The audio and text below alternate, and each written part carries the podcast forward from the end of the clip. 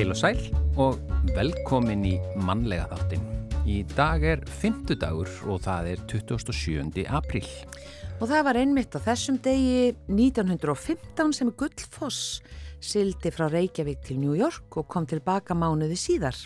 Þetta var fyrsta ferð skips með íslenskri áhöfn á milli Íslands og Ameríku frá því á dögum leifs hefna, hvorki meirann í minna. Já, bestu hátíðaljóð fyrir líðveldisháttíðina þann 17. júni eh, voru valinn á það segja, árið 1944 voru valinn landsmýns föður eftir Jóhannes úr Köllum og hver á sér fegra föðurland eftir unni Bendiksdóttur Bjarklind sem kallaði sig Huldu. Já, það er mjög fallegt lag hver á sér fegra föðurland. Önnur góðshrina kröpluelda hófst á þessum degi 1977 og stóði þrjá daga. Svo voru á þessum degi árið 2018 sem að Kim Jong-un fór yfir hlutlausa beltið og til Suður Kórið til fundar við Moon Jae-in.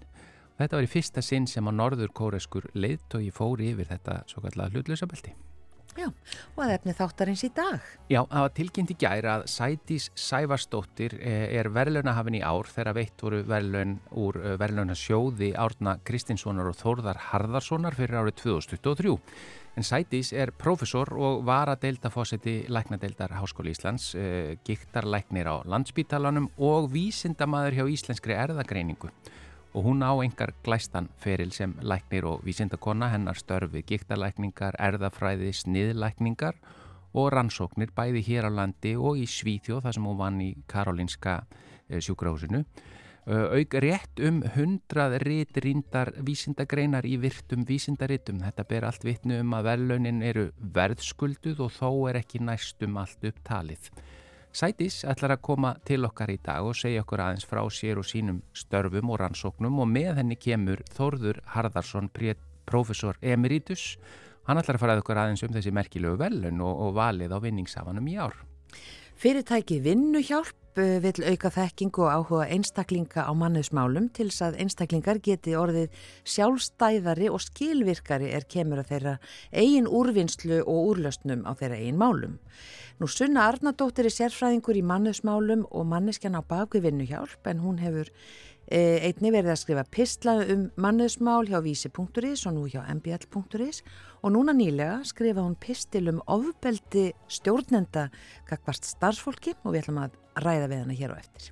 Já, og svo ætlum við að fara veitnast um viðburðin hlaupið um arkitektúr. Arkitektafjöla Íslands stendur fyrir hlaupinu sem er hluti af hönnunamars og er svo kallað upplifunar hlaup þar sem að hlauparar munu skoða borgarlandslægið út frá sjónarhorni arkitektúrs Gamals og Nýs og það er Gerður Jónsdóttir, Frankandastjóri Arkitektafélags Íslands og Ragnæður Mæsól Sturldóttir, verkefnastjóri kynningamála hjá Hönnunamars þar ætla að koma í þáttin og segja okkur betur frá þessu og jafnvel einhverju fleiru.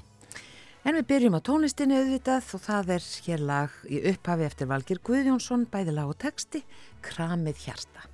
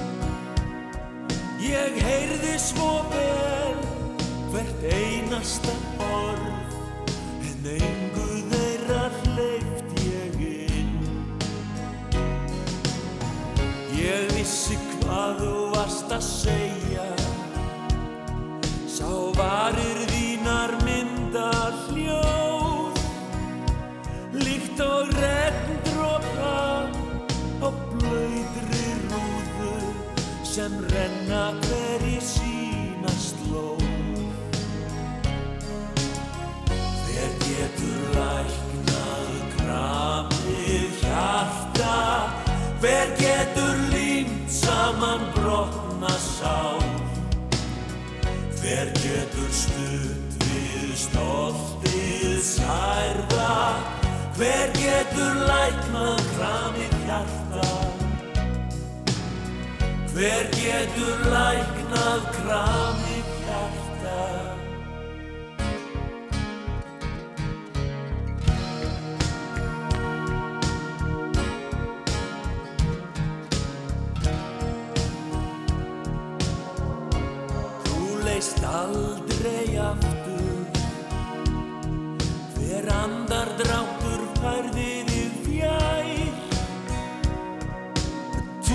Stóð kyrr eins og svartur kvartur Yfir bráðsynni með beittar klær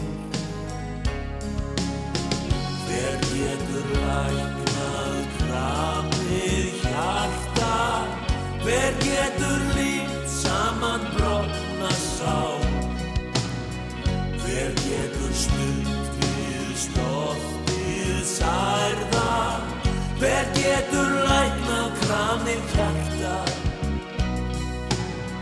Hver getur læknað kramið hjarta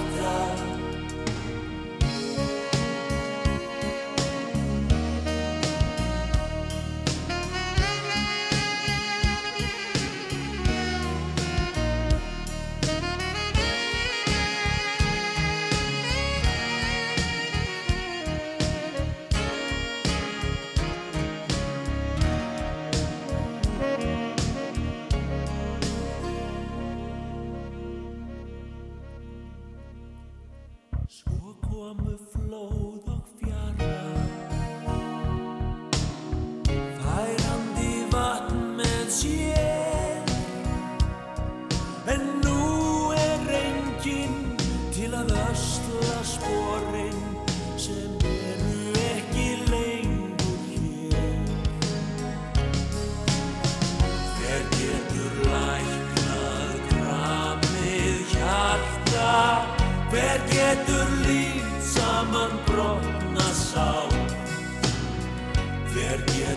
stutt við stoltið særða Hver getur læknað kramið hjarta?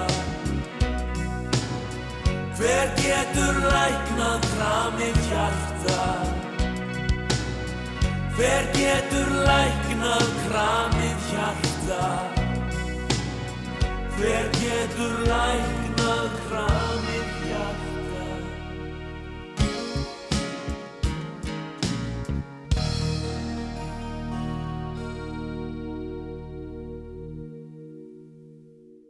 Þetta var Valgir Guðjónsson að syngja lag sitt Kramið hjarta. Eins og við sögðum frá í upphafi, þá var tilkynnt í gær að Sætis Sæfastóttir var verðlunahafin í ár þegar veitt, veitt voru verðlun úr verðlunasjóði Árna Kristinssonar og Þórðar Harðarssonar fyrir árið 2023. Og þau eru bara komin hinga, Sætis Sæfastóttir og Þórður Harðarsson, velkomin og innilega til hamingju Sætis. Takk hjálpa. Eh, og Þórður, eh, takk fyrir að koma með henni, að því að mér langaði að fá aðeins bara söguna um þesta, þessi verðlun og þennan verðlunasjóð eh, ykkar árna. Já, þessi verðlunasjóður var stopnaður 1983 og uh, var til eiginlega þannig að uh, við árni, það kom í okkar hlut, tekjur af ymsum þáttum utan spítalastarfsins og utan háskólastarfsins eins og uh, fyrir lestrar um allar jarðir, uh, þáttaka í alþjóðlugun rannsóknum og þýjum líkt. Og við ákvaðum strax þá að uh, verja þessu fjö til að, stopna velunarsjóð. Og hann var byggður upp á 20 árum og var ávægstaðist ágætlega. Þannig að við gáttum hafið útlutanir upp úr aldamótonum 2000. Já. Og uh, Sætis er núna 11. velunahafin okkar. Þannig að þetta er ekki alveg á hverju ári? Þetta er annarkvort ár Já. og þetta er satt að segja nokkuð vegleg velun á íslenska vísu, þetta er 7 miljón krónur núna sem gerir þetta einhver veglegustu velun held ég fyrir, fyrir vísinda á Íslandi og uh, fyrri velunahafar hafa allir verið mjög glæsilegir fulltrúar íslenskra vísinda Fyrst voru það Ingileif Jónsdóttir Eiríkur Stengrinsson og næst á undan sætísi var Hans Tómas Björnsson sem er mikill frumkvöðl í erðavísindum.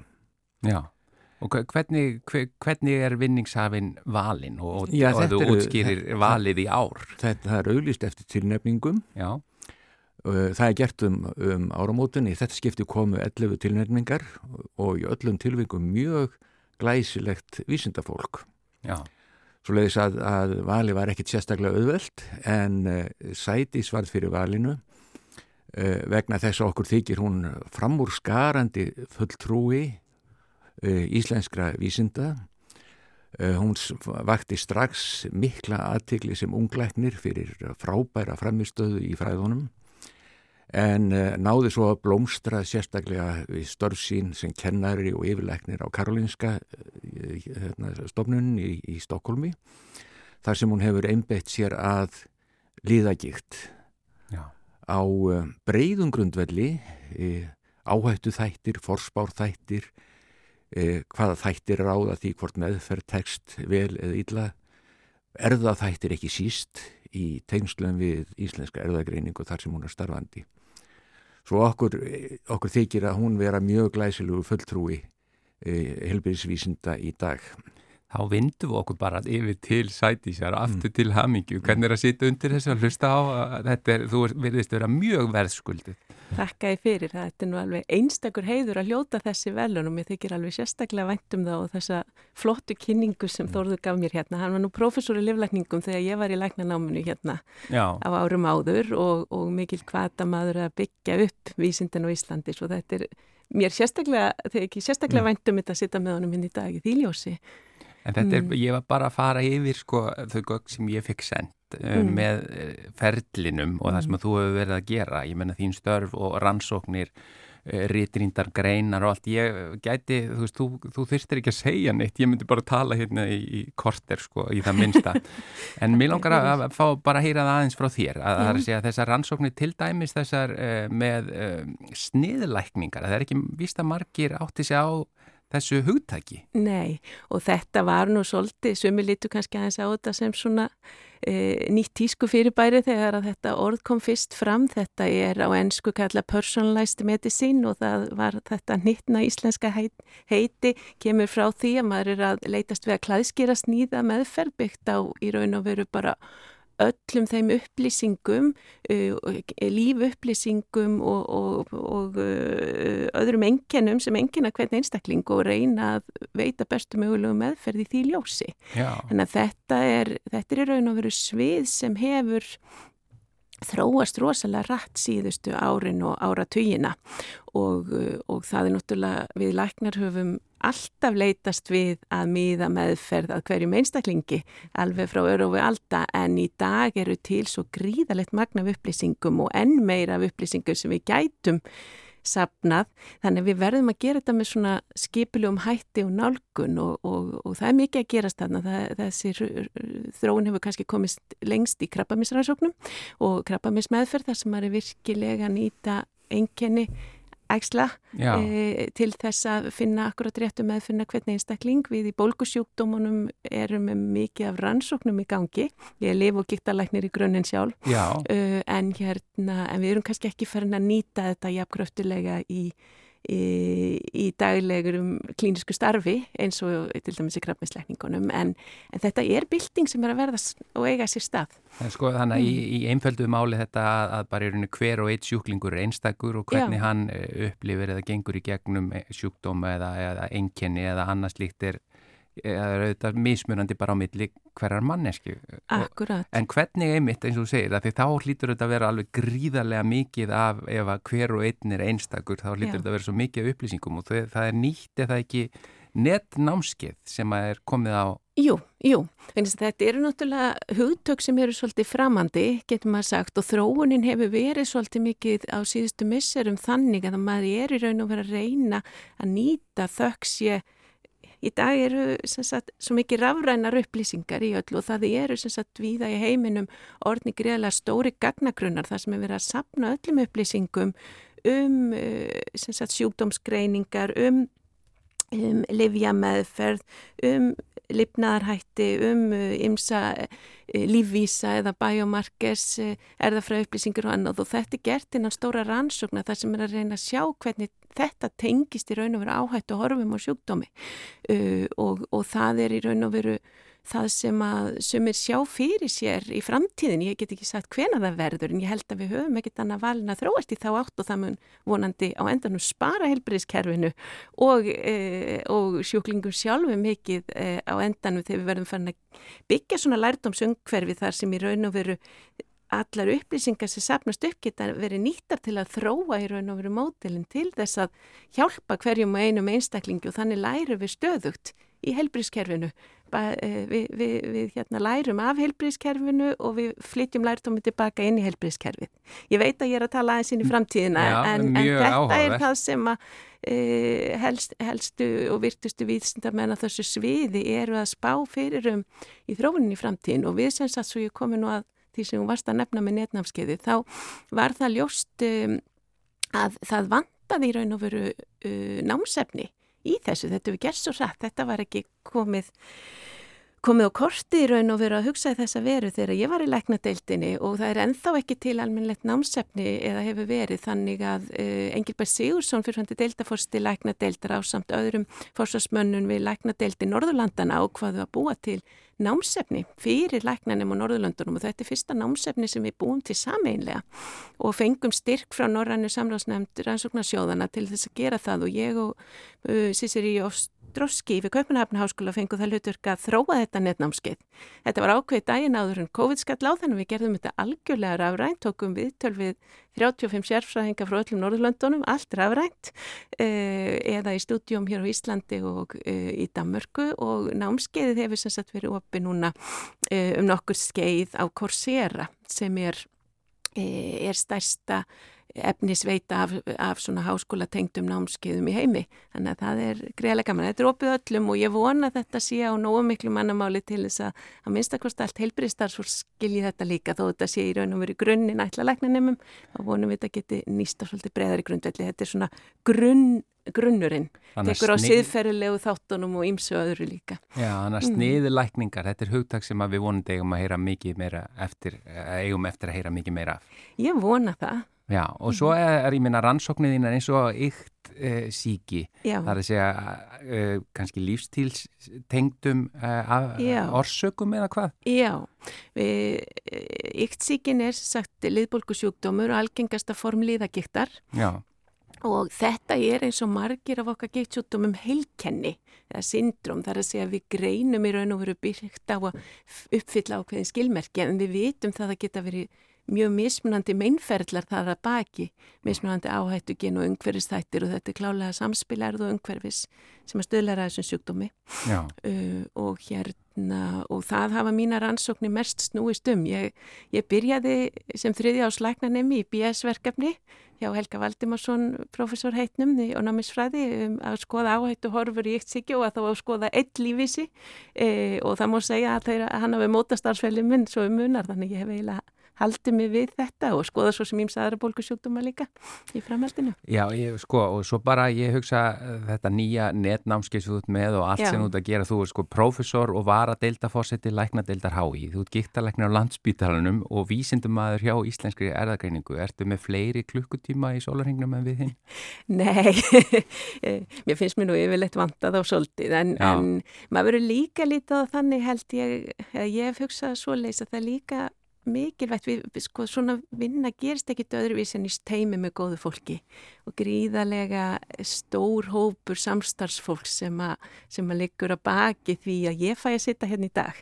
E, og, og þar sem bara hver og einn nýtir sína þekking og mín þekking er á ákveðnu sviði síðan eins og upp í erðagreiningum alveg ótrúlega mikið af flottu fagfólki með mér a, að vinna í ymsum verkefnum þar sem hver hefur sína sérþekking og það er eiginlega galdurinn í dag Er, er, er þið þar að kanna erðaþætti í sambandi við einmitt eins og eitt síki eða kikisjúkdóma? Já, já, og við byrtum í fyrra uh, rannsók sem er stærsta erðaransóknin á eitt síki til þessa. E, þessi sjúkdómur, eitt síki kannski framandi orð fyrir sumum, þetta er raumatóitar þrætis eða erra í daglegu tali hjá mörgum. Um, og það er rannsók sem var mikil heiður að leiða vegna þess að við vorum sérstaklega með efni við frá öllum Norðurlöndunum og Breitlandi uh, og mörg af þessum rannsóknar þýðum hefur verið söpnun í gangi á í aldar fjórðung.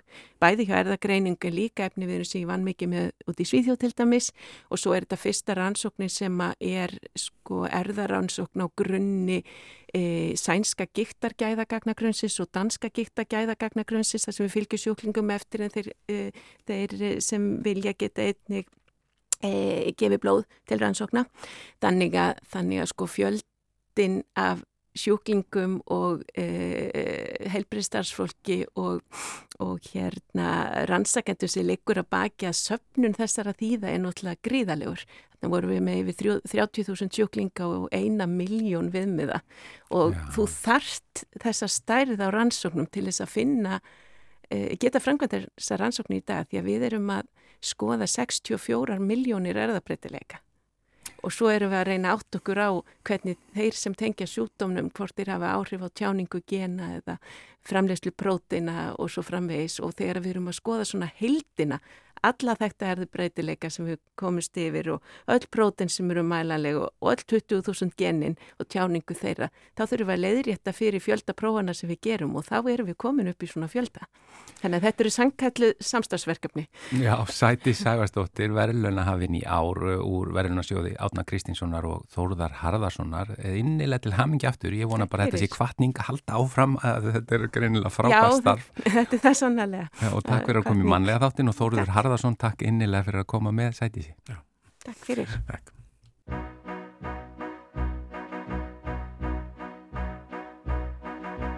Bærin er skrítin, hann er fullur af húsum Hús með fram öllum götum í röðum liggja Aldraðir byggja og ungir menn kaupa lóði og ætla sér líklega að byggja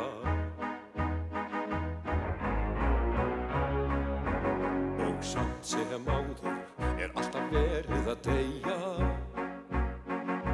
Og undarlegt að það hendir jafn snöyða sem ríka. Menn hvaðu jafnvel deyja frá hálbyggðum húsum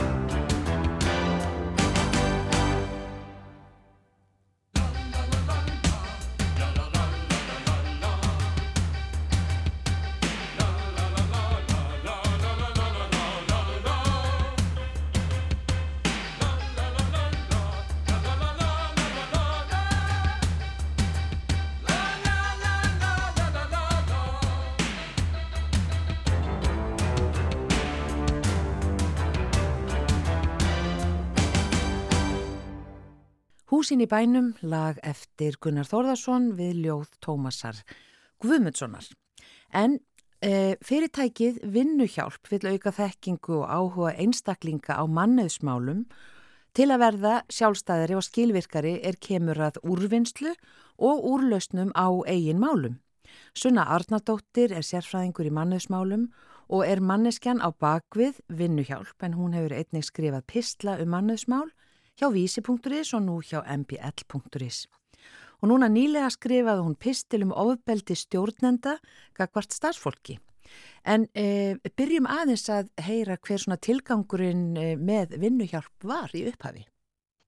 Já, tilgangur með vinnuhjálp er í rauninni það að vinna með einstaklingum sem og Því að það sem ég tek eftir bara í mínum störfum við mannesmál er að hérna þó svo vandamál séu oft tengt einstaklingum þá er ofta heldamyndan á bakvið en það þarf samt sem ára að tækla vandamálinn út frá einstaklingsmyndu viðmiðum og þá kemur oft fram sko að launtakar er ofta þannig aðstöðu að þeir geta hverki fundis aðstöðu nema aðurreikandin sækist eftir henni fyrir þeirra hönd þannig að vinnuhjálp reynir einmitt að brúa bylið svolítið þarna. Já, getur það ekki verið aldrei flókið?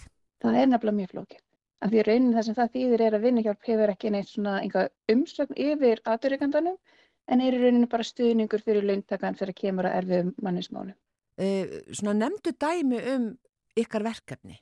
Sko helstu verkefni sem við fáum er í rauninu þegar einstaklingar hafa í rauninu eitthvað svona umkvartanir hjá aðurreikandanum og hafa ekki fengið hljómgrunn hjá aðurreikandis að vinna í sínum málum og þá er rauninu hafa samband við okkur við reynum svona stiði þegar hvernig, hvernig á að að koma málinu áfram til stjættaféluna sinna, hvernig að koma þessu áfram til hérna eins og, eins og annara þriði aðalega sem mögulega hægt væri að virka þá aðurrengaðan með þeim í þessu vinnu. Þannig að það er í rauninu svona helstu verkefni og þá er þetta oft bara einheltsmál, þetta er kannski eitthvað svona ágræningu varandi laun eða þá þetta er bara erfiðar vinnast eða eitthvað slíkt. Þannig að það er bara mjög misundurinn bara eftir aðstæðan hverju sinni. Já, þannig að það er starfsmæðurinn, einstaklingurinn sem hefur samband við ykkur til þess að fá aðstóð í upphafi eða er það uh, fyrirtækið eða stofnunin? Bæði og. Það eru oft einstaklingar sem bara vantar aðstof af því að bara fyrir að kemur á mannismálinn þá vitum við oft ekki í hvað fótið um stíg og hvernig það er sambandið. Þannig að vinni hjálp svolítið hjálpa með það fyrir einstaklinga. En svo eru það líka bara fyrirtæki aðtunreikandur og þá bæði eru það óskæftið fræðslu fyrir starfsfólkið sitt sem og líka bara aðstof með bara málvarðandi einstaklinga innan fyrirtækjana sinna. Já. Þið stopnuðu þetta fyrirtæki bara eiginlega fyrir nákvæmlega ári síðan? einmitt stammir, 1. mæði 2022. Já, og var eitthvað svona eh, sem ítti því í gang? Í rauninni bara eftir nokkur ára reynsla því að taka eftir að það eru löndtakar sem eiga svolítið erriðt með að fá hljómgurum fyrir sínum málum hjá mörgum aðurreikandum. Það er oft sem að koma upp málefni hjá aðurreikanda og það er einstaklingar sem eru að kvarta en það er ekkert gert að því það er, já, það er bara ekki aðurreikandir með hag og þá komum þessu hugmynd að við þurfum eitthvað stuðni til einstaklinga og samaskapið þá þarf að fylgja með fræsla til einmitt einstaklinga og hópana hjá aðunleikandum þannig að hérna hugmyndi varum þess að ef við náum að styrka sem flesta inn á, aðunmarkaðinum þá verður vonandi Ísland þekkt sem svona mjög jákvæður vinnustæði með svona jákvæð vinnustæðmenningu bara á heildina og það er svona drauma sínin, það er framtíða sínin. Já, og þeir eru þessi þriðja aðili þá sem er já, oft gott að fá inn þegar um ágræningsmál er að ræða. Jú, einmitt. E, þú hefur verið að skrifa pistla, já bæði inn á vísi.is og nú síðast e, inn á MBL, e, þar sem ert svona, já, tala um alls konar hliðar á manniðsmálum. Þú skrifaður um ofbeldi stjórnendagagvart starfsmanni, bæði, mm -hmm. já meðan starfsmæður er í vinnu og svo líka eftir, eftir starfslokk. Segð okkar hans nána frá þessu. Já, eins og þegar kemur á ofbeldi þá er þetta oft hérna, það er bara ljótt að segja þetta, en einstakar sinnum hafa einstaklingar, hvernig hefur ég að segja þetta, hafa hagið því að við halda ofbeldin áfram. Og þannig kemur ofbeldi eftir starfslokk. Og þá kemur það yfirlega fram á þeim snertiflutin sem eftir eru við viðkomandi launtaka og sérstaklega eftir launtaki sem er kannski á, hérna, uh, það er ekki kræfist viðveru þegar uppsunafrestun er klárað en samt sem ári viðkomandi eða þá fá laun eða starfslokkasamningur eitthvað slítið gangi þá eiga stjórnunda til eða hafa aðgang að launa upplýsingunum eða launa greiðslunum en þeir halda eftir greiðslum eða þeir halda eftir hérna einhvern svona reikningur sem er að greiða fyrir það eitthvað slíkt og þetta er einhvern bara gert til þess að viðhalda því ofbeldi sem var í gangi áður en þá stafslug komið fram og þá er þetta einn bara slæmt bara dæmi um bara ofbeldi á vinnustæði í rauninni þá er rauninni þetta svona mjög stórt rautt flagg sem það er einmitt að taka eftir. Því að þarna er bara viljandi verið að taka einstakling fyrir og við halda þessu áfram. Því að þegar laundaki er komin í rauninni, er ekki með viðvara ástæðarstöð en er ennþá á uppsunafrest og er ennþá að fá greiðslu til dæmis. Það er einstaklingur teknilega sér atvinnulegs en getur ekki sótt um hjá vinnumálstofni vegna greiðsluna. Þannig að þegar þessum greiðslum er haldið eftir, þá er í rauninni verið að, að binda svolítið þennan laundtaka áfram í, það er svolítið verið að silla um vekk. Og laundtaki getur þess að fara í þrótt bara peningalega sér því að það er í rauninni engin, það er ekki hægt að sækja um neinar aðstofun eins þar annars það er í rauninni. Ekki nema stjættafélaggripin en þá getur það tekið virkur eða mánuði ef aðurreikandin er ekki samvinnfús. Og er þetta algengt? Þetta hefur gerst og ég hef því mér heilt tvær eða þrjá sögur af þessu og þá er alltaf bara fyrsta skrifi, það er að fara strax í stjættafélagi, það er strax að fá lögfræðing þar inn til þess að þetta fara að vinna í málunni því að þetta getur, þetta er rauninni bara að hugsa það að þetta er hérna áformaldi ekki bara erfitt fjárhastlega séð fyrir einstaklingin, heldur er þetta andlega og tilfinningarlega séð mjög svona mikið álaga viðkomandi. Þannig að ef viðkomandi er að koma úr erfiðum aðstæðum og er að reyna að byggja sér upp aftur þá er þetta alls ekki að hjálpa. En hver er hagur atvinnureikandans af þessu? Það er engin hagur í rauninu umfram það að þetta er oft bara, bara hvernig voru þetta kallað, þetta er bara ofbeldi. Þetta er bara gert til þess að, að hefna sín á þessum einstaklingi. Já, hérna. Uh, svona hver önnur dæmi ertu með af, af ofbeldi stjórnenda gagvart uh, starfsmanni? Hvernig líta þessi mál út? Þau getur verið alls konar. Það finnum bara sko, ofbeldi er í rauninni alltaf, það er alltaf eitthvað svona valda hérna ójafvægi gangi þar. Og þetta er mitt svona þumbutaregla með vinnustæði, það er alltaf valda ójafvægi þegar til staðar. Það er á mitti stjórnenda og emitt hérna þá slundtaka þeirra sem undir þeim. Þannig að það er þá strax komið bara í rauninu svona kjör aðstæðir fyrir hverskins ofbeldi að því að stjórnenda getur rauninni sagt hvað sem er og krafist þess að lundtaki fylgi þeim, þeim hérna reglum. En það getur þá verið að fara móts við launtakan. Þannig að viðkomandi er þá kannski að lendi aðstöðuna sem verið er að vinna gegn launtakanum. Til dæmis er þá hérna, launtakanum gert erfitt fyrir að sinna störfun sínum. Viðkomandi fær það ekki þau nöðsynlega tækja tól til að sinna störfun sínum. Uh, viðkomandi er gerð krafa um það að ekki sinna vissri ábyrg til þess að svara stjórnandanum hratt. Þannig að þá er viðkomandi aftur tekið fyrir fyrir að vera ekki að sinna sínum skildum. Uh, Starfsfólk getur lendið því að til dæmis bara fundarhöld eins og núna með hérna ekki um COVID, þá heyrði ég mjög mikið þessum málum að það var mikið að Teams eða Zoom fundum.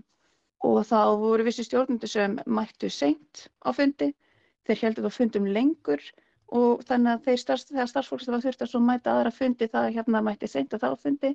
Og stjórnundur vissi af þessu var svona ítrekkað að þeir fundi áfram til þess að halda starfsfólki áfram svo að gæti ekki sindaður um verkefni.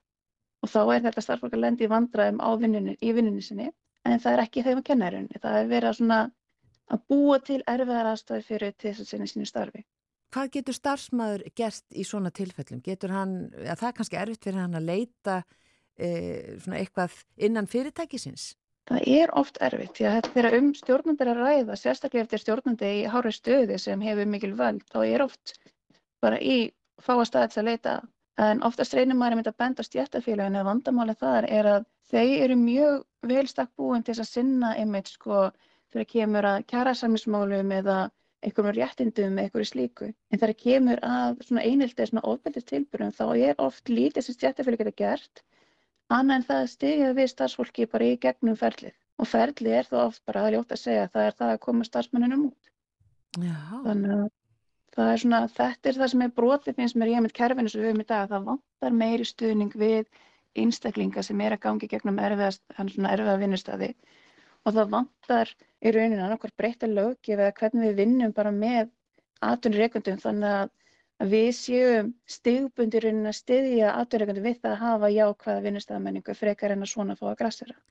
En vantar þá eitthvað í sko stjættafélögum þar að segja í þeirra svona þjónustu eða sko gætu stjættafélagin staðið sér betur þarna eða hvað? Já, það gætur henni að gera það. Því að sko eins og við tala um áðan það er ofta best að kalla inn þriðja aðala til þess að sjá um svona hlutlesan aðala til að sjá um svona, hérna, svona aðstæðir því að það þarf ykkur komin og bæði hlusta á meintan þúlanda sem að mista að gera þetta og, og svona meta aðstæðir hvort það sé sannanlega hvað í gangi.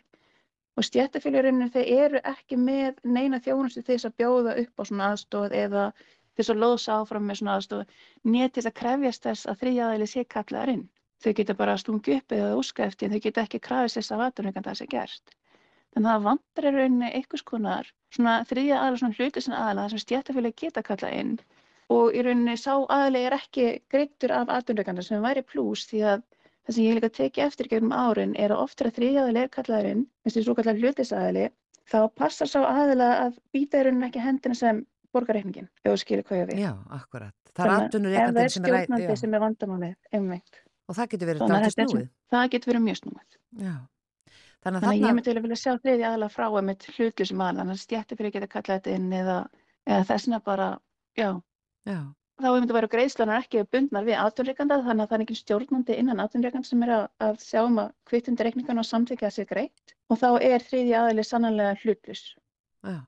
E, ofbeldi stjórnenda gagvart starfsfólki, er þetta algengt? Ég vil segja nei. Það kemur svona eitt og eitt mál og það er því miður bara bara þannig er málið bara, ef við erum tíu einstaklingar það er alltaf einhver tveir sem geta klastrað og það eru með stjórnendur, þeir eru jú bara mennskir eins og við hinn, en mm. málið er þessi mál eru augljósust. Ég fæ aldrei mál á borðið mig þar sem fólk er ánægt í vinnunni og allt gengur úslega vel, ég heyri volið sjaldan af þeim, ég heyri bara þessi neikvæðamál og þessi neikvæðamál eru þau sem rataði fréttinnar og við lesum um á, á hérna MBL og Vísi og svona Akkurat. en hérna þetta er svona augljósast í rauninni Kæra þakkir fyrir spjallið í mannlega þættunum Sunna Arnardóttir, sérfræðingur í mannauðsmálum og ef við viljum lesa meira um þessi mál þá getum við farið inn á síðuna ykkar vinnuhjálp.is. Kæra þakki fyrir. Takk fyrir mig.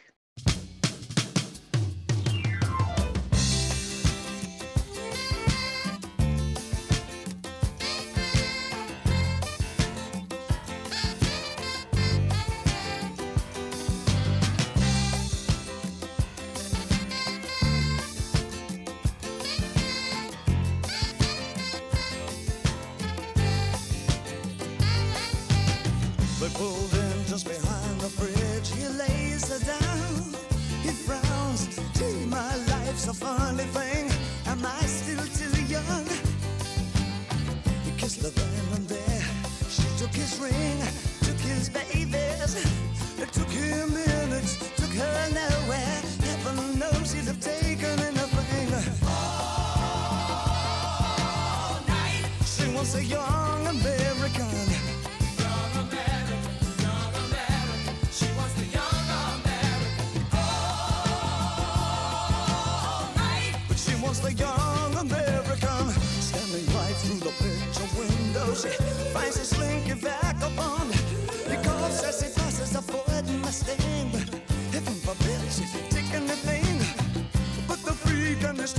nothing.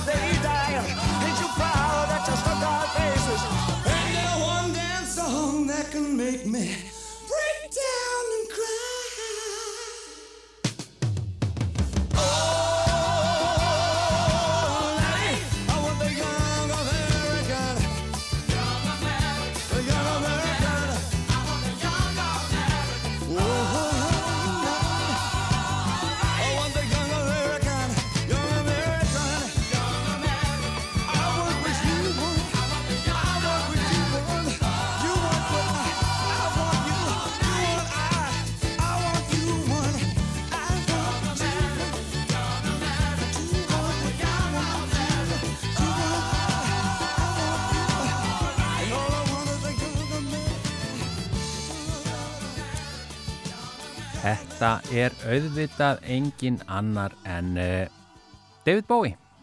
Ég var að segja engin annar og næstu búin að gleyma þig hvernig hann var, þurfti að lesa það.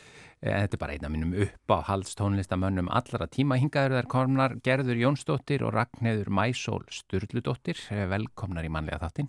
Kæra það ekki. Það er sko, fyrsta lagi það er náttúrulega auðvitað hönnunamars uh, en um, það sem að ég er svona hjó eftir fyrst til að byrja með sem að mjög, mjög áhugavert uh, og það tengist líka kannski þá inn í manlega þáttin því að við erum ofta fjall um svona alls konar heilsurækt og annað og að hlaupa mm -hmm. uh, að hlaupa um arkitektur gerður mm -hmm. Jónsdóttir. Segðu mér aðeins, hva, hvað er átt við með því?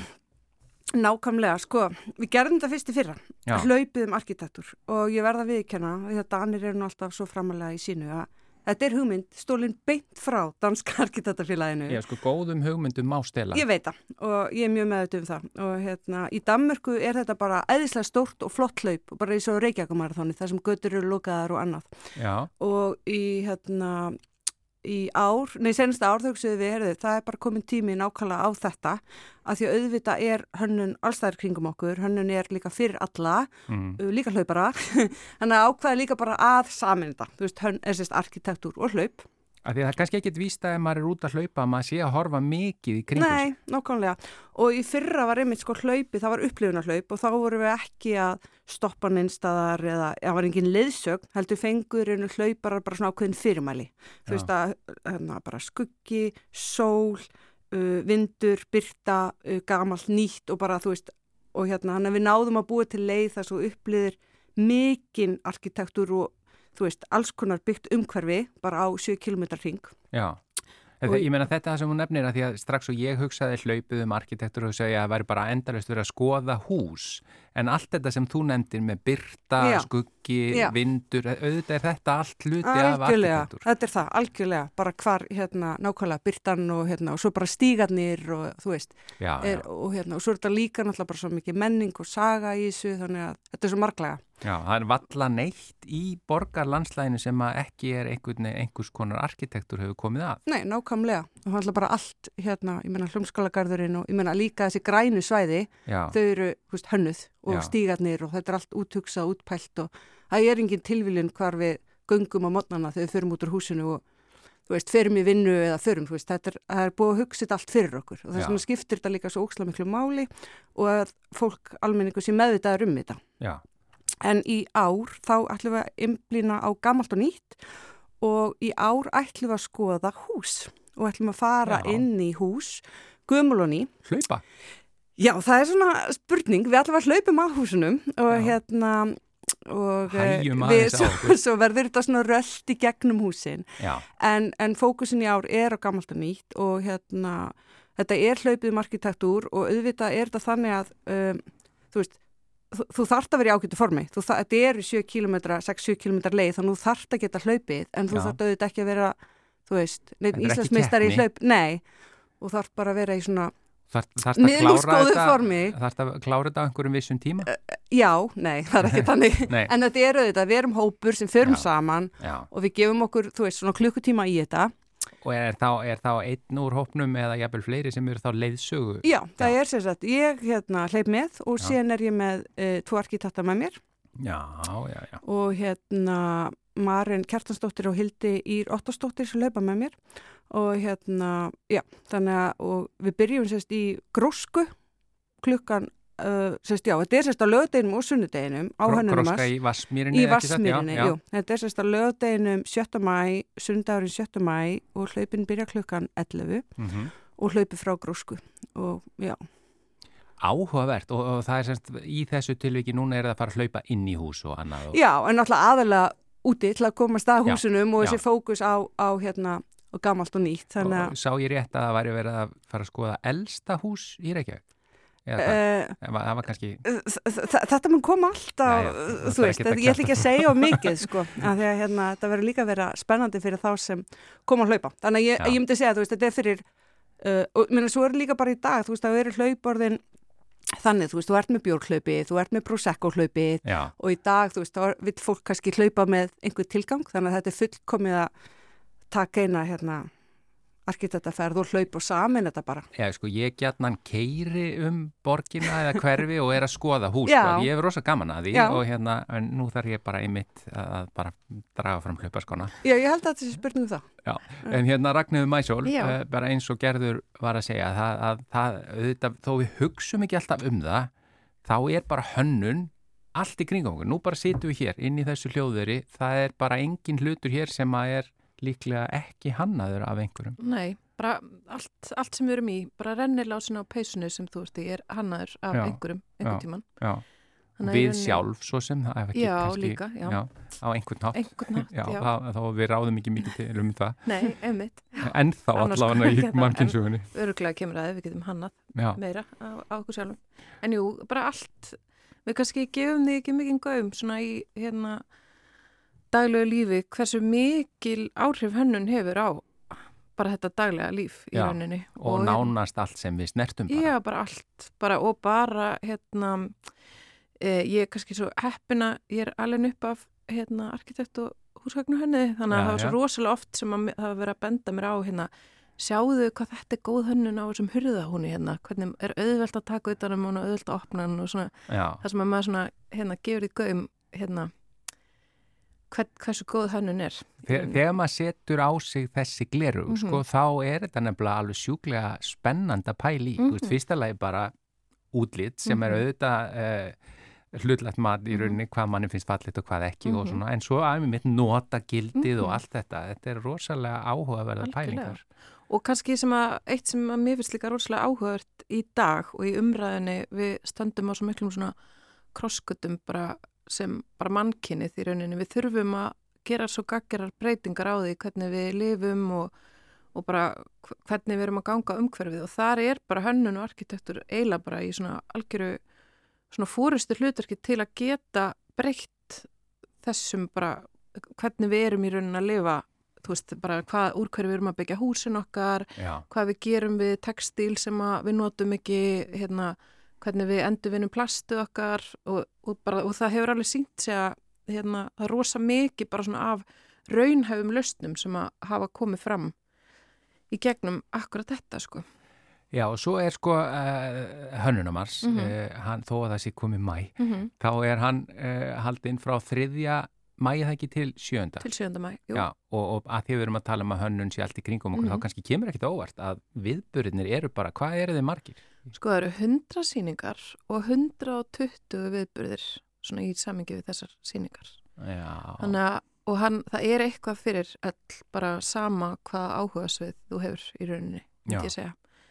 En er, er sko, ég meina, er að koma erlendi gestir bara sérstaklega til að fara á Já, hönnunamars? við byrjum hönnunamars 3. mæ í hörpu með ráðstefnu sem heitir Design Talks sem er, þar, sem, þar erum við að skoða í rauninni bara hvað nú, nú erum við búin að greina svolítið hvað vandamál nútímans hvað eru stóru vandamál nútímans en hver eru svörin við þessum vandamálum? Þannig að þá erum við að tala við hönnuði sem eru komni með einhverja lausnir uh, til dæmis Natsai Odrei Tjesa sem að hún er búin að hanna svona uh, aðferð þar sem er að lita textil í samstarfi bakterjur þannig að það þarf í rauninni engin kemisk efni í textillitun sem Já, er náttúrulega bara svona þannig að það er Miklu umhverfisvætna? Já, bara miklu betra í stóra samminginu. Þannig að það er rosa mikið að svona alls konar löstnum og, og svona áhugaverðum og innblís, innblásandi, sem er það ekki, innblásandi, Já, Einblásnum? svona innblásnum svona fyrirlestrum sem að hérna sem að verða þar á dagskrá. Við bendum bara á hönnunamars.is en sko talandum að því að við, við tölum aðeins um það áður en fórum í loftið að Já. til dæmis Danir eru náttúrulega mjög frægir fyrir sína hönnun. Er Mhm. eitthvað, er þetta að segja, ég byrja á þér Ragnar, Já. sem að þetta er mjög uh, stórt spurt, Mhm. er eitthvað svona íslenskt enkenni, það er að segja einhvað hönn, á íslenskri hönnun eru við með einhvað svona Sko það er mikið talað oft um Erlendis hvað íslensk hönnun uh, ber með sér mikla leikliði og það er svona, maður sér það bara, það er svona leikliði og jákvæðan álgun á hlutina og svona, hún er svona hún er oft svolítið svona lifandi og skemmtileg á sama Já. tíma hún sé bara nótæf og, og praktisk en eh, gerður í Mhm. sko íslenskum arkitektúr Mhm. er einhver svona er einhver eitthvað enkenni á íslenskum arkitektúr Vá, þegar stort er spurt, sko.